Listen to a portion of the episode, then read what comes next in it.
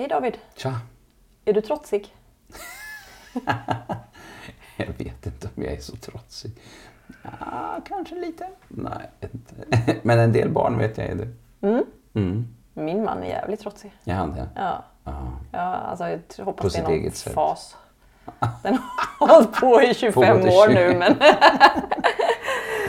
Nej men skämt åsido, vi tänkte vi skulle prata om Ja, precis. idag. Ja. Visst är det intressant att vi Ja. bara pratar om barn som trotsiga? Eh, eh, Ja, det är intressant. Ja, precis. Ja, inte bara. Jag tror faktiskt att man gör det i hemtjänsten också. Ja, jag är rädd för det. Mm. Visst är det intressant? Ja, det är intressant. Men det är samma som med att rymma. För barn rymmer, men också pensionärer. Precis. Eller äldre personer. Ja. men däremellan rymmer Men vi jag inte. går bara bort, jag går iväg. Ja. Nej men visst, det är ju jätteintressant. Det säger något om Ja. relationen. Ja, det gör det Vilka väldigt ord mycket. vi ja. väljer. Mm. Och trots är verkligen dubbelt måste jag säga. Eh, för vi pratar ju om trotsålder och vi pratar om eh, eh, liksom att, att barn kan bete sig trotsigt. Och, och, vi pratar, och vi har, det finns ju en diagnos som heter trotssyndrom. Mm. Så det används ju som en diagnostisk term dessutom. Eh, och alla stöter ju på trots om man har att göra med barn. Ja. Ja. Vad är trots då? Ja. Vad tänker du att det jag, Alltså jag, jag har tänkt väldigt mycket att det handlar om ett barn som, eh, om vi tar det med barn, som vill göra på sitt eget sätt. Mm. Eh, men där den vuxna ofta då hade en annan idé. Ja. Så att eh, frågan är, eh, är det inte bara då att trots är eh, att barnet inte just då har lust att lyda? Mm. Och då kommer vi tillbaka till det som jag varit inne på förut när vi pratar om långsiktigt och kortsiktigt. ja. Och distinktionen mellan lydnad och samarbete. Ja men den är ju gigantisk. Ska vi säga några ord om det? Vad är det för skillnad Ja. på lydnad och samarbete, ja, tänker hur du? du? Ja. eh, alltså det är väl en gigantisk skillnad. Lydnad Mm. är ju bara att lyda helt enkelt. Men samarbete då plockar vi in den andras perspektiv. Mm. Hur känner man sig när man lyder? Hur känner du dig om du lyder? Alltså om man gör det motsträvigt så känns det ju surt. Ja. Alltså det känns ju inte kul. Nej.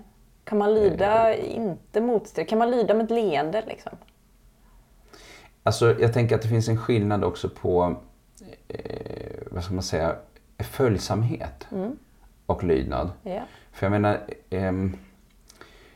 fin- i umgänget med andra människor så finns det ju hela tiden en slags, också en slags följsamhet om man inte har jättestora svårigheter på det sociala området. Ehm, Så människor är ju ofta eh, liksom då följsamma. Mm. Eh, eh, när man säger så här, okej ska vi ta och äta nu då? Ja. ja jag kommer snart. Ja. Det är en slags följsamhet i det. Ja. Och i det så ligger ju också något mått av lydnad. Okej, jag kommer nu för du har ju sagt att vi ska äta så jag äter nu fast jag var mitt inne i en grej. Men, Ja. Eh, så att, och i, så i, jag tänker i, ett, i en familj eller i en verksamhet men även på ett jobb så finns det en slags följsamhet. Men jag tycker ändå att det finns en distinktion mellan, mellan följsamhet och lydnad även om de ligger väldigt nära varandra också. Men samarbete, då, är det ju liksom, då jobbar man ihop som någonting. ja, man har ett gemensamt mål. Ja, Och lydnad är väl kanske att jag har bestämt målet och nu vill jag att du, Du gör som jag som säger jag för att, för att det ska bli som jag vill. ja. Ja. Hur känner man sig när man samarbetar? ja men det är ju just det där med att bli lyssnad till tänker jag. Ja. Det är ju det är ju the essence av eh, liksom, det sociala kittet liksom. Att man känner att man blir lyssnad till. Ja. Och det är massa positiva känslor kopplade till det. Ja, Liksom, glädje och tillfredsställelse. Och, ja men precis. ja. Så, att, eh, så det där, och det är det som vi pratar om ibland också när man tänker sig eh, för, för barn som till exempel får utbrott ibland. Eh, när de hamnar, vi, vi pratade till om den här kurvan som vi pratade om förut. Mm, affektutbrottsmodellen. Ja. Affektutbrottsmodellen. Där man liksom kan komma till en nivå där man förlorar självkontrollen. Ja. Och problemet med att förlora självkontrollen är ju att då går det inte att samarbeta med en. Nej, En människa som förlorar självkontrollen är inte i ett samarbetsläge. Nej. Och, och, och det var ju ett av som saker vi pratade om. Det går inte att prata så mycket då. Det är bäst att bara vara tyst och försöka rida ut det hela. Och så kan man prata senare om det som händer. Ehm, men jag tänker att det är intressant. Samarbete eh, är ju eh, helt avgörande. Ehm, så trots blir ju egentligen bara att jag tänker inte gå med på att göra så som du vill Jag att vill jag inte ska lyda göra. dig. Nej. Trots hör ihop med ett lydnadsperspektiv. Ja, det gör det verkligen. Ja, och, Och det tycker jag, och annars det är också har vi kritiken. samarbetssvårigheter, tänker jag. Ja, just det, precis. Det är verkligen då Mm. om... Ja, men ligger det mellan dig och mig eller ligger problemet hos dig? Liksom? Just det. Mm. Det- Var ligger det? Ja, precis. Och Och, trots då ligger det hos den andra. Mm. Och samarbetssvårigheter, då ligger det mellan dig och mig och vi har Just ett det. gemensamt problem som vi ska lösa. Ja, men precis. Ja. Det är ju spännande. När du har pratat med föräldrar om trots. Mm. Eh, vad, vad har det kommit upp för typer av situationer? Ja men det är ju... Det, det börjar ju där i två treårsåldern med mycket kläder. Mitt barn vill inte ha varma Mm. Vissa kläder på saker. sig när han ska Nej. Mm. gå till förskolan. Eh, mitt barn vill inte borsta tänderna, duscha. Det är ju väldigt mycket det där som stör våra planer. Vi, Ja. Mm. Jag hade en snabb plan. Eh, och, eh, alltså jag, jag tänker att bakom trots så finns det minst två behov hos barnet. Och jag gillar att fundera över vad är det för behov som ligger bakom Mm. Att beteendet. det inte bara är någon liten det är grej, inte bara bete- det- det är inte bara en jävla instinkt hos barnet att nu ska jag Nej. Mm. sätta mig på tvären och jävlas bara för att jag har kommit på att jag kan. Utan det handlar om något större och viktigare än Mm. så. Jag tror att det handlar om eh, autonomi. Behovet av att få styra sig själv, att känna att mina handlingar har ett ursprung i mig. Ja. Och också ett behov av kompetens. Att känna att jag kan, Jag jag, kan. klarar. Ja. Liksom.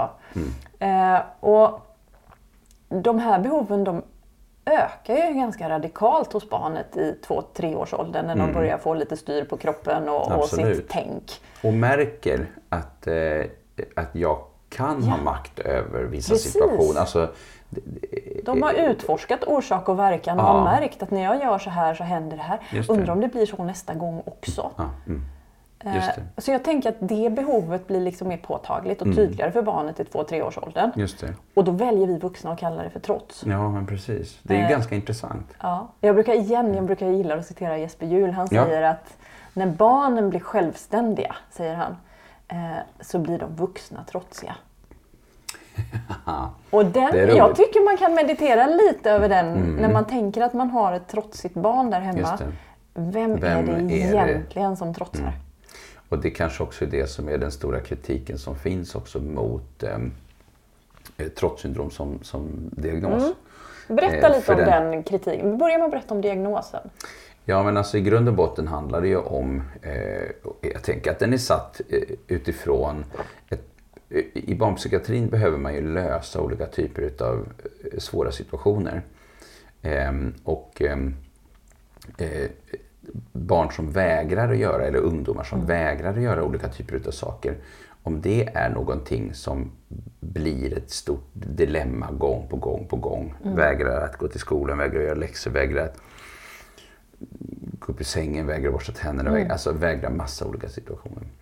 Eh, då måste man hitta ett sätt att behandla det på. Ja. Och, när man, eh, och man kan säga att eh, ganska många diagnostiska eh, eller diagnoser överhuvudtaget eh, har sin upprinnelse i att man har sett någon typ av problematik och så försöker man ringa in den problematiken och forska på den för att se hur skulle vi kunna göra så att det här blir bättre. Så det finns liksom en forskningsgrund och en idé om att man ska försöka hitta lösningar för det. Så lösningarna på trotssyndrom, när man tittar på vad är det som hjälper vid trotssyndrom så handlar det ju inte om hårda gränser och tydliga krav. Utan det handlar ju om, mycket om anpassningar och liksom försöka Ja. hitta ingångar. Men det finns fortfarande en idé kring lydnad och en, Mm. en, en idé kring maktrelationen. Men det handlar ju om de här barnen som, som då i, i, ofta, alltså det finns en, en del i det som också handlar om att eh, om du till exempel har ett barn som har svårt för massa saker. Det är svårt med kanske fokus, det kanske är svårt med socialt samspel, det kanske är svårt att göra de saker man ska i skolan, det kanske är, är liksom svårt att begripa sig på poängen med att borsta tänderna varenda dag. Alltså alla de där sakerna. Då är ju lösningen inte eh, liksom gränssättning och liksom tydlighet. Utan väldigt ofta handlar det snarare om, om det här återigen tillbaka till struktur, alltså tydligheten. Varför ska jag göra det här? Att skapa rutiner i vardagen. Och så. Precis. Kritiken är just den också.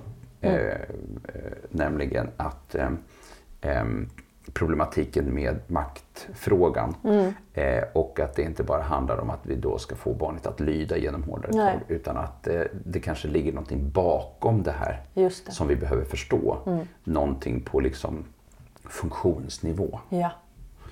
Ehm, Jag har jobbat med ett par familjer som Mm. Ja. har haft barn med eh, diagnosen trotssyndrom. mm, Eh, och gemensamt för dem har jag upplevt det att barnet har ett eh, väldigt stort behov av relation. mm, Som att om jag ska göra som fröken säger mm. Så måste jag ha tillit till att fröken vill mig väl och tycker om mig. Just det. Ja, det är ju, det är ju verkligen betydelsefullt. Ja, och samma i- familjen. Liksom. Om jag ska borsta tänderna bara för att du säger det. Då måste jag vara säker på att du gillar mig och att du säger det där för att det ska bli bra för mig. Eh, Så jag, jag liksom, de familjer jag har jobbat med har tänkt mycket i termer av ett större liksom, närhetsbehov, tillitsbehov, relationsbehov. Liksom. Eh, Jag gör inte som du säger bara för att du säger det. Nej, just det. Jag måste veta att du gillar mig och vill mig väl. Ja, och det finns någon slags perspektiv där som också... Det har ju skett en förskjutning också, tänker jag, i vår syn på barnuppfostran. Och, eh, eh, där vi har liksom rört oss ifrån eh, tidigare väldigt auktoritärt patriarkalt system eh, till en period när det blev alldeles väldigt lösa boliner liksom och sen tillbaka liksom lite granna och sen så rör det sig lite däremellan. Och idag kan jag tycka att, att föräldrar eh, växlar också. Eh, och det, är det som man sett i forskning också, att det är inte bara en föräldrastil utan det är snarare så att situationen skapar också föräldrastilar. Liksom på, på en söndag förmiddag när man ska gå ut med familjen och gå till en lekpark säger vi för att man har småbarn. Då har man alltid i världen på sig att ta en konflikt. Ja. Eh, och då, då blir det annorlunda än på tisdagsmorgonen klockan 07.25 liksom. Och man är redan är sen. Eh, och då blir man mer auktoritär. Det är lättare att bli mer auktoritär. Men sen är det också det att en del, de har ju märkt med sina barn att det går inte bara att köra på med så här hård ton och liksom gorma och ha sig och vara jättetydlig med gränser. Utan, för då låser sig barnet helt och hållet. Så, då har, så då har de en, en hållning som är liksom eh, att man försöker ta det lite i steg eh, och kanske inte är så, så liksom gränssättande. Så här, varpå omgivningen kommer att ha massa åsikter om. Har du testat att sätta gränser? Säger omgivningen då. Ja, precis. Man bara, tack för tipset. Det hade jag inte kommit på själv. Nej. Nej. Det är ju ofta så att ja, alltså föräldrar anpassar sig intuitivt efter barnens behov. Ja, många precis. gånger. Ja. så är det. Och att vara förälder till ett, ett barn som har lätt att krocka med tillvaron. Ja. Det är baske mig någonting som är svårt. Så är det ju. Svart bälte i föräldraskap, många av de just det, föräldrarna. precis. Ja, Det är en bra benämning på det faktiskt. så är det. Så att, ja. Men du, Men- vad ska man göra med de trotsiga ungarna då? Om Ja. de nu finns? Ja, jag tänker ju väldigt ofta i det här med att eh, på något sätt tydliggöra poängen med saker och ting. Ja. Att involvera barnet i, i, i vad som ska ske Mm. eh, och, eh, och skapa valmöjlighet. Ja. Till exempel så, nej men nu får du faktiskt ta och sätta på dig skorna. Mm. Eller, eller nu är det de här eh, byxorna som gäller. Mm. Eh, Nu, nu har vi dem, de andra är smutsiga.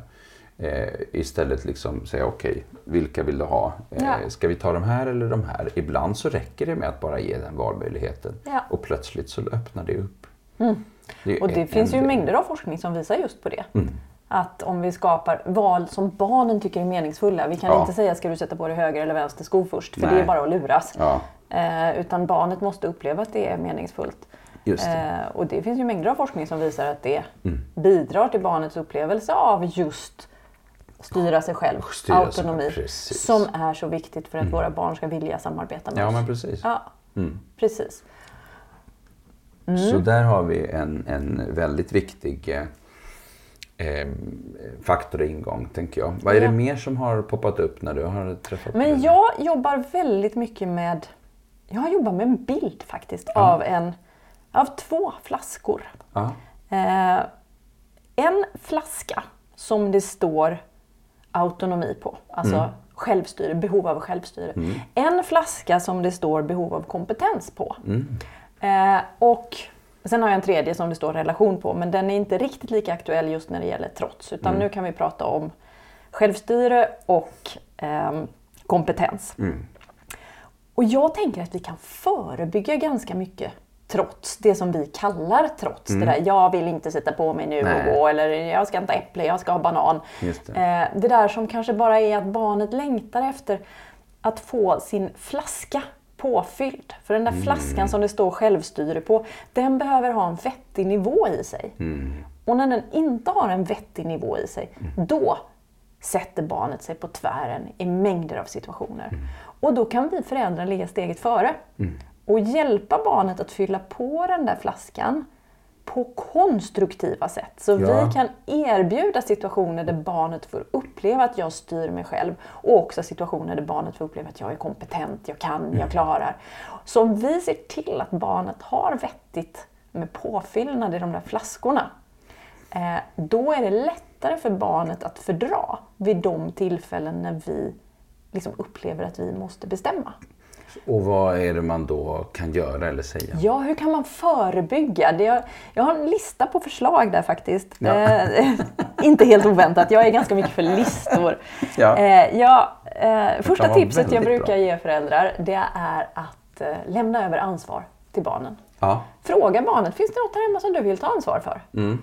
Eh, och är barnen mindre så behöver man kanske ge dem en liten så här ansvarsmeny. Mm. Du, jag har tänkt på att vi skulle behöva någon här hemma som tog ansvar för att vattna blommorna. Någon som tog hand om posten. Någon som såg till att vi hade ordning på skorna på dörrmattan. Eh, är det något av det som du är sugen på att ta ansvar för? Så att, och inte då säga du är fem år nu, det är dags att ta lite ansvar. För det väcker inget självstyre överhuvudtaget hos barnet. Utan väldigt öppet, liksom handflaten upp. Är du sugen på att ta ansvar för någonting? Ja. Ja. Och så lämna över det till barnet. Sen så brukar de ju tycka att det är kul i två dagar. Ja. Och då hamnar man ofta i en maktkamp med barnet. Man säger du Ja. Mm. lovade faktiskt. Och du, du. Det är ju klassiskt när folk Ja. köper husdjur och barnen lovar att de Precis. ska göra Och det är ju bara att inse att du kan ju inte kräva ett löfte av en femåring. Det är en Nej. avsiktsförklaring i stund- stunden, Mm, inget annat. Så att då är mitt tips att säga, märker att du har tröttnat på att ta ansvar för blommorna. Vad vill du ta ansvar för nu? Ja. Så att liksom, det- får växla. Mm. Men barnet behöver liksom känna att jag bidrar hemma, Mm, jag tar ansvar. Något annat är ju att fråga barnen om råd. Det älskar ju barn som längtar efter att känna sig kompetenta och ha inflytande. Så här, du, det ser lite blött ut ute idag. Tror du att, kan man ta gympaskor eller är det bättre att ta gummistövlar? "Åh, mamma tror att jag kan. Hon frågar mig om råd. Det fyller ju på de där flaskorna. Ja, Ja. Sen att ge barnet utmaningar och förtroendefulla uppdrag. Mm. Om du, om jag väntar här utanför med lillebror och hunden nu. Mm. Tror du att du kan gå in och köpa en liter mjölk själv då? Vi ska ha den röda mjölken. Mm. Eh, och det är inte säkert att barnet vill, men han hörde frågan. Mm. Och det, bara det kan fylla på flaskan. De. Ah, tror att jag kan, de litar på mig. Liksom. Eh, och fjärde jag brukar tipsa om det är att lära barn nya färdigheter. Finns det något som du inte kan som du skulle vilja lära dig? Att ställa den frågan till barnet. Och i vissa åldrar så kan ju barnen allting. De har inget behov av att lära sig någonting. Men sen i andra åldrar så finns det, ja gud jag skulle vilja lära mig att göra frivolter eller åka till rymden eller vad det nu är. Och då måste vi ta barnets svar på allvar. Så att vi bryter ner det i genomförbara steg. Det. gud, frivolter det skulle jag också vilja. Jag tror vi får börja med kullerbyttor. Och sen kan vi gå över på handstående och så bryter vi ner det i genomförbara steg. För allt det jag har sagt nu det bidrar ju till att barnet får liksom påfyllning i flaskan, känner att de styr sig själva. Och att de är kompetenta. Vi tar deras kompetens på Och allvar. nu är det ju väldigt ehm, också inne på den här långsiktiga hållningen. Liksom, Ja. Att eh, försöka hitta ingångar till hur vi kan bygga det här på ett långsiktigt på sätt. långsiktigt sätt. Ja. Så för mig så handlar trots, det handlar inte så mycket om vad gör vi i stunden när vi hamnar i en trotsig situation. Nej. Utan när jag jobbar med föräldrar så lägger jag väldigt mycket kraft på att eh, förebygga. Mm, vad vill vi att det ska landa framöver? Precis, och om barnen får uppleva att de har en himla massa självstyre och kompetens i sitt eget liv så behöver de inte trotsa Om vi nu använder Nej, det ordet nej, i stunden. Mm. Alltså det kommer alltid hända för barn Ja, är barn precis. och de är tre år och de ångrar sig och de blir frustrerade. Men det, min upplevelse är att det blir mindre Mm. av det som vi kallar trots om vi hjälper barnen att få de här bakomliggande behoven tillgodosedda på Just konstruktiva sätt. Just det.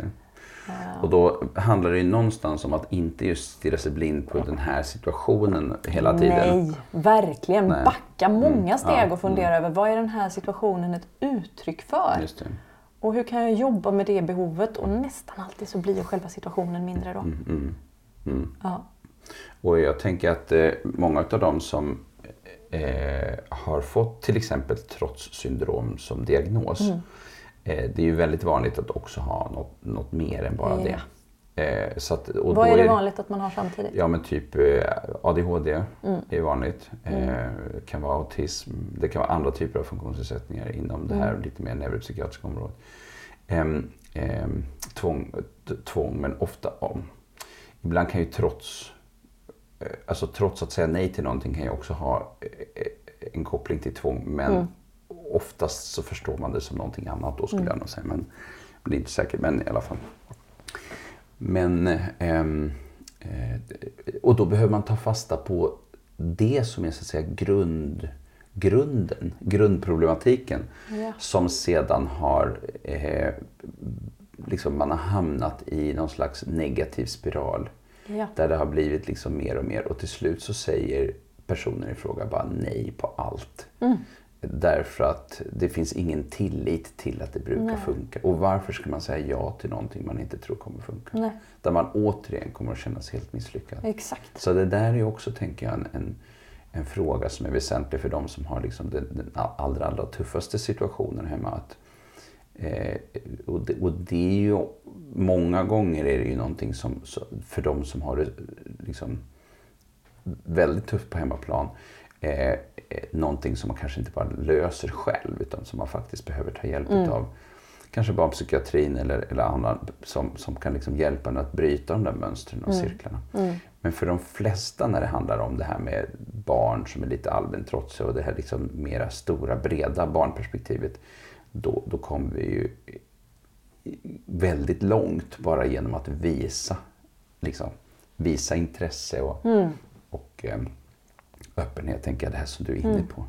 Ta barnet på allvar. Ja, ta behovet bakom barnets beteende Ja. Mm. på allvar. Och att tänka att vi ska att barnet i det här läget behöver gränser och mera maktutövning från föräldern. Nej, just det. Det är jag orolig för att det leder i fel Ja, det, riktning. det, Det blir ju en maktkamp, liksom. Ja, men det Ja. blir det precis. Mm. Eh, Så man, och man måste hitta ingångarna till att bryta det där på något, något, svart, något bra sätt. Sen är det ju oerhört svårt för att jag menar, du har ju det är också de här eh, elever som inte går till skolan till exempel, Mm. som inte har gjort det på länge, som, som är hemma eller lång problematisk skolfrånvaro som vi pratade om. Eller, eh, eh, eh, eller andra som har, som i princip nästan alltid säger eh, nej till allting vuxna säger. Mm. Det som där har skett är ju att jag tänker också, du, du har ju varit inne på det flera gånger, det här med tillit. Tillit är helt avgörande. Eh, eh, och när, när jag tycker mig se ganska många gånger att när man har en eh, att göra med en, en, en, ett barn eller en ungdom som har hamnat i ett läge där man bara säger nej till allting. Eh, så när vuxna tänker så här, han eller hon är trotsig till allt, då är det aldrig så. Därför det kanske ändå är någon som kanske går till skolan eller som kanske sitter på en stol eller som... Alltså, vi siktar, vi siktar så oerhört lätt in oss på alla de här negativa små sakerna som inträffar. Så att vi ser inte de, de gånger som personen i fråga faktiskt är följsam. Exakt. Vi missar att se Ja. det för vi är så inställda på de där negativa Ja, tillfällena. alla avvikelser. Just det. Ja. Och det är ju någonting, det verkar ju vara kopplat till hur vår hjärna funkar. Att vi är extremt bra på att dechiffrera avvikelser och, Mm. och sånt som sticker ut. Liksom. Och, och negativ information och en överlevnadsinstinkt. Mm. Liksom. Vi ska ju göra det. Vi ska ju liksom se om det dallrar där borta på savannen Mm. lite grann. Så ska vi liksom säga, shit, är det något farligt djur som är på gång nu? Alltså vi, vår hjärna är ju kopplad till det. Precis. Eh, Och det är inte helt ändamålsenligt när vi jobbar med barn det som har svårigheter. Nej. Nej. Nej. För då siktar vi in oss hela tiden på de där svårigheterna. Istället för att också se alla de här grejerna som faktiskt funkar. Exakt. Jag tror att man behöver, eh, ja man måste ju inte skriva ner det men ibland kan det finnas en poäng. Att sätta sig helt enkelt och skriva ner, okej, till och med liksom den här kvarten eller den här dagen. Eh, hur många, vad är det för saker som barnet faktiskt har gjort som var i linje med det som vi typ hade tänkt? Ja. Och hur många saker är det som sticker ut och inte är det? Så Det låter väldigt vettigt för att få ett ja, fokusskifte. Jag tror att man behöver det där lite grann för Ja. att det, det leder till eh, liksom, jag vet inte, någon slags... Perspektivbyte. Kanske det, ja, det blir ett perspektivbyte. Att man rör sig i riktning mot att, att se det som funkar och kanske också lyfta det till barnet. Här har man ju också sett, tänker jag, i sådana här föräldrastödsprogram så är det väldigt många strategier som man har tittat på. Eh, vilka strategier använder vi? Eh, eh, och sådana här KBT-inriktade eller inlärningspsykolog, med inlärningspsykologisk bas. Det som man har sett som har hjälpt är att om du har ett barn som kommer till en klinik eh, och får hjälp i ett föräldrastödsprogram, det vill säga de har stora svårigheter på hemmaplan, då hjälper beröm. Ja. Men det hjälper inte för den som inte har stora problem Nej. Vad tror du att det i beror på? vardagslag. Jag tror att det beror på att man har fått så mycket så att säga skit för saker och ting. Så att man är så, eh, man, man känner att man i grund och botten misslyckas ofta. Ja. Så att man helt enkelt behöver höra att man mår bra mellan varven. Och jag tror Ja. att det är kopplat till att vi i vår hjärna är så fokuserade på alla negativa tillfällen. Så vi plockar upp allt det där och så har vi tillrättavisning och, Mm. och tjat och förmaning som strategi. Eller skäll ibland. Ja. Och det är ingen strategi man kan ha med de här barnen överhuvudtaget. Nej. Utan då måste vi ha en helt annan hållning. Mm. Och där tänker jag det här som du, nyfikenheten Mm. som, som vi båda pratar om. Men, men eh, det här eh, att verkligen lyssna till barnet. Ja. Och jag tänker att det är också intentionen med att barnkonventionen blev lag. Mm. Vi ska lyssna på barnen och det gäller föräldrar också. Precis. Det gäller oss alla. Och, Och vi vi ska är inte världsmästare i lyssna för att inte lyssna som ett knep för att sen få barnet att göra som Nej, jag lyssna vill. på riktigt. Utan lyssna på riktigt och öppen för vad barnet säger. Just det. För det möter jag ibland föräldrar som säger men jag gjorde som du sa, jag gick hem och lyssnade och sen gjorde hon ju ändå inte som jag ville. Nej. Och då har vi lite grann missat poängen med Ja. att lyssna. lyssna Med lyssnandet följer också en öppenhet för det, det. för det vi hör. Mm, mm. Ja. Ja, det är viktigt. Ja. Men ehm, ja, så det där, det där är ju ehm, ett- en stor och väldigt central fråga när det gäller föräldrar och, och- och, barnuppfostran och föräldraskap. Eh, som också jag tänker är ett stort skifte från att gå eh, från då ett mer auktoritärt eh, föräldraskap som, som vi liksom också har haft eh, som helt centralt i, i svensk barnuppfostran tidigare eh, och som fortfarande är widespread. Men vi har rester utav det. Vi slår inte barn, men, vi, men, men folk hotar eller folk eh, eh, genom att säga att då får du inte göra ditt och datten. Om du Nej. inte ställer ditt rum så kan vi inte åka till, alltså, gå till badhuset på, på Precis, lördag. det är ett uttryck för samma underliggande ideologi som handlar om att barnet ska Det är uttryck för kontroll, liksom, Ja, men det båda precis. grejerna. Fast Mm. vi har ju tagit bort den kroppsliga formen av det. Just det, och samtidigt vill, är det ingen som vill att deras barn ska växa upp och bli lydigt. Nej, Det är också intressant. När man liksom. tänker på det. Ja. För om mitt barn lyder mig nu, Mm, när jag inte finns där sen, vem ska barnet lyda då? det, det, Och då det, hamnar vi i motorcykelgäng och kriminella gäng kanske. Om vi har otur. Mm. Eller i religiösa sekter eller vad det nu kan vara. Alltså, Jag tycker det är så Jo, i extrema fall så kan otroligt viktigt att Men barnen lär sig att tänka själva. Ja, men jag tänker också bara på att vi, vad är det vi har, någon halv miljon chefer i Sverige. Mm. Alltså, hur bedrivs ledarskap idag? Eh, vi har ledarskap i hemmet, Mm. föräldrarnas. Vi har ledarskap i klassrummet. Mm. Och sen finns det ett ledarskap på alla arbetsplatser. Eh, om man inte är egenföretagare. Eh, bara. Men, eh, eh, och eh, här är det också en viktig fråga. Det som medarbetare alltid återkommer till eh, när de tycker att någonting är dåligt. Det är, är att man inte blir lyssnad till. Exakt. Så att vill vi få bra ledarskap i framtiden då måste vi börja med barnen också. Mm, så är det ju. Och det är ju logiskt att alltså förr så hade vi lydnad som princip och det Ja. var ju logiskt för då eh, fostrade vi liksom drängar till åken och jord, liksom Och fabriksarbetare, fabriksarbetare som skulle gå efter skulle klockan. lydna, Ja, lyda. ja. Det, var ju, det, det var just det som fick samhällets hjul att snurra och fungera. Men det är ju väldigt få chefer idag som vill ha lydiga medarbetare. Nej. De vill ju ha folk som tänker själva, tänker precis. Mm. utanför boxen, tar egna initiativ, kreativitet. Om man läser Ja, platsannonser precis. idag så är det ju det som står. Ja, Eh, och social kompetens och ja samarbetsförmåga och allt det här. Och då behöver vi fostra barn Ja, i den riktningen. ja men precis. Och då, då, då är det det här autonomistödjande förhållningssättet som, som, som blir betydelsefullt. Ja. Ehm, Och när man tittar på föräldraskapsforskning så eh, Bambrin till exempel, hon var ju inne på den här eh, auktoritär eh, och sen laissez-faire, alltså låt gå. menta- Och hon tyckte att i, i, i, i, i, i, rörelsen eller mellan de här två ytterligheterna så är det bäst att ligga i mitten. Det vill säga det som kommer att kallas auktoritativt föräldraskap. Precis. Men hennes modell eh, har ju fortfarande lydnad som grundprincip. Ehm, i, I vilket skede man än är. Eh, så att, eh, när det sen har kommit andra teoretiker efteråt som Grolnik och, och en kvinna som heter Skinner, Ellen Skinner eh, som vidareutvecklade och utgick ifrån och såg att det fanns problem med den här modellen, utvecklade andra modeller. Eh, så, så har ju de, eh, och Skinner till exempel, plockat in det här med, med autonomistöd och Grolnik Ja. Eh, autonomistöd. Och just det här med autonomi har ju blivit någonting som vi ser som, som liksom kärnan. Och det bygger ju också på, som vi är inne nu på och pratar om, eh, faktiskt hela vår idé kring, kring hur vårt samhälle ska se ut. Eh, och det får börja redan där nere i trotsåldern. Då. Ja, det behöver ju göra det. Vi kan inte tänka att vi ska tillämpa lydnad först och sen när de Nej. blir stora ska de få välja själva. Alltså, Och det här är ju då in, för, för en missuppfattning i det här som jag eh, ser ibland. Det är att man då kanske tänker att eh, man inte ska Eh, alltså, går man in på förskolan till exempel så handlar det inte om att man tar sitt barn och så säger man, eller man går fram till sitt barn och säger ska vi gå nu?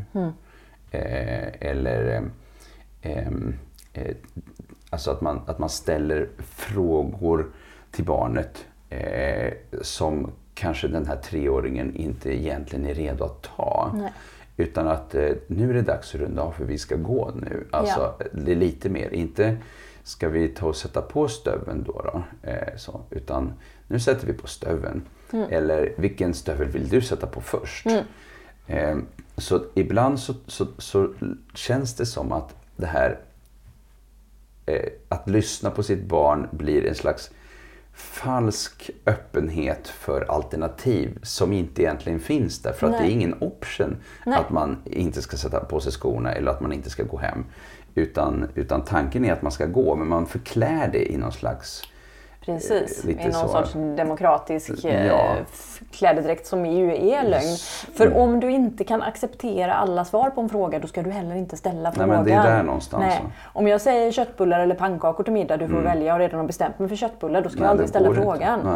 Nej. Och det är ju samma sak med Ska vi gå hem nu? Nej det ska vi inte. Jo det ska vi. Men varför frågade du då? Mm. Ja, precis. Så det är inte det. det här, jag tänker också att det här med att ge barnen autonomi, det är ju inte som att en treåring ska få bestämma allt. Utan Nej. jag brukar tänka att det, det är en, en, en liten arena för en treåring. Mm. Ja. Och sen i takt med att de växer så blir arenan där de får utöva sitt självstyre större och större. Och egentligen följer ju det ganska logiskt den utveckling som vi också ser. Ja. Eh, att det lilla barnet är mycket med familjen och i- kanske i syskon och andra och i sitt närområde och förskolan och nära föräldrarna. Och så småningom så gör man små resor ut själv och så småningom kanske man cyklar eller går till kompisar på andra sidan gatan. Eller, alltså, Precis. Autonomin ska ju vara typen. önskvärd för barnet och Mm, ja. liksom meningsfull för barnet. Så jag tänker en 15-åring väljer gymnasieskola själv men du frågar ju inte en treåring vilken förskola vill du gå Nej, på. För det är inte relevant för treåringen. Utan det handlar ju om att öka som sagt efterhand. Och för många 15-åringar behöver väldigt mycket hjälp i den där processen. Oh också. ja, precis. Mm, särskilt där valmöjligheterna är gigantiska. Ja, Som i storstäderna. ja. Mm. Är Det är helt galen mycket varianter på det. Ska vi dra ihop trådarna här ja, då, vi tycker vi du? gör det. Ja, trots. Mm. Ehm, en ganska knivigt litet ord det där. Ja, det ligger så mycket bakom. Alltså så otroligt mycket. Det är ett litet ord med en stor ideologi Ja, det bakom. Mm. Och vi kommer tillbaka till lydnad och samarbete. Ja, men vi gör det faktiskt. Och sen så Och, pratar vi, vi är vi tillbaka jag tycker att nu har vi haft ett antal samtal du och Ja. jag David och vi Mm. kommer tillbaka till nyfikenhet Ja, hela tiden. Ja, vi gör det. Vi behöver liksom lyssna till, eh, till barnets egen idé om saker och ting. Nu är det ju inte så att man precis när treåringen säger jag vill inte ha de här skorna Nej. eh, och slänger dem iväg, att det är alltid utrymme för den typen av liksom dialog alla gånger. Nej. Men, eh, men det är också någonting med hur ofta det sker och på vilket sätt och, och kan vi hitta olika varianter i olika sammanhang. Exakt. Händer det en, en gång, ingen gång. Händer det Nej. två, tre gånger då behöver vi börja fundera över varför händer det här det. och hur kan vi agera annorlunda för att det Ja. inte ska hända igen. Nej men precis Nej. så. Mm. så. Ja, Behov, tänker Behov, jag, ja. Mm, bakom flera. beteenden. Mm. Förstå vilka behov som ligger bakom barnets Just det. beteende. mm. försöka ta reda på det. Mm. Eh, och och, och det, det betyder någonstans att man behöver vara observant och nyfiken på vad är det för situationer, hur ofta händer det? Eh, eh, försöka se om man kan Se liksom... om sitt mönster. Ja, se mönster, ja, Vilken precis. typ av lägen händer det här? Mm. Vad hände innan? Hur blir det Just det. efter? Ja. Ja, Och så tänker jag sista som jag vill skicka med det är ju gilla läget också. Om Ja. vi nu pratar om trotsåldern. det. Som treårsåldern. Det är tufft. Det Mm. är tufft för barnet, det är tufft för dig Mm. och ibland får man bara ha lite is i magen och tänka att det blir nog bra så småningom. Ja, sen har man andra saker att tampas med när man är tonåring. Ja, om man nu tänker på den biten. Ja. om det nu är någon Men tröst. sen tänkte jag på en annan sak också som ju, ju faktiskt, även om vi skulle runda av lite som, men det är ju eh, hur blir jag själv när någon annan blir trotsig? Ja. Alltså, vad händer med mig själv? Mm. Eh, blir jag då Ännu trotsigare. Precis. Jag har bestämt mig så Ja. att jag blir ännu mindre flexibel än Ja. jag brukar vara. Och jag har verkligen bestämt för att det här ska jag driva igenom. Till, liksom, till botten med det här. Jag ska minsann visa var skåpet ska stå. Här ska inte de komma. Där har vi också en problematik. Det är skitintressant. Mm. Vem blir jag? Vad är mina behov i den här situationen? Vad har jag för tankar om hur situationen ska lösas? Och då tänker jag, då finns det ytterligare något aspekt eh, som handlar ju om eh, vad har jag själv vuxit upp med? Hur Mm. hade jag det själv i min familj? Och eh, att man också gör saker och ting i relation till sin egen erfarenhet och uppväxt. Mm. Eh, så. Mm. Så. ja. Det var en schysst liten lista vi skickar med Ja, här på herregud. slutet. Ja. Ja. den är gigantisk. Ja. Och så spännande är Ja. den också. Ja, Vad Tack. spännande. Vi avrundar för det gör vi. gången. Tack för idag. Japp, ha det bra. Hej hej.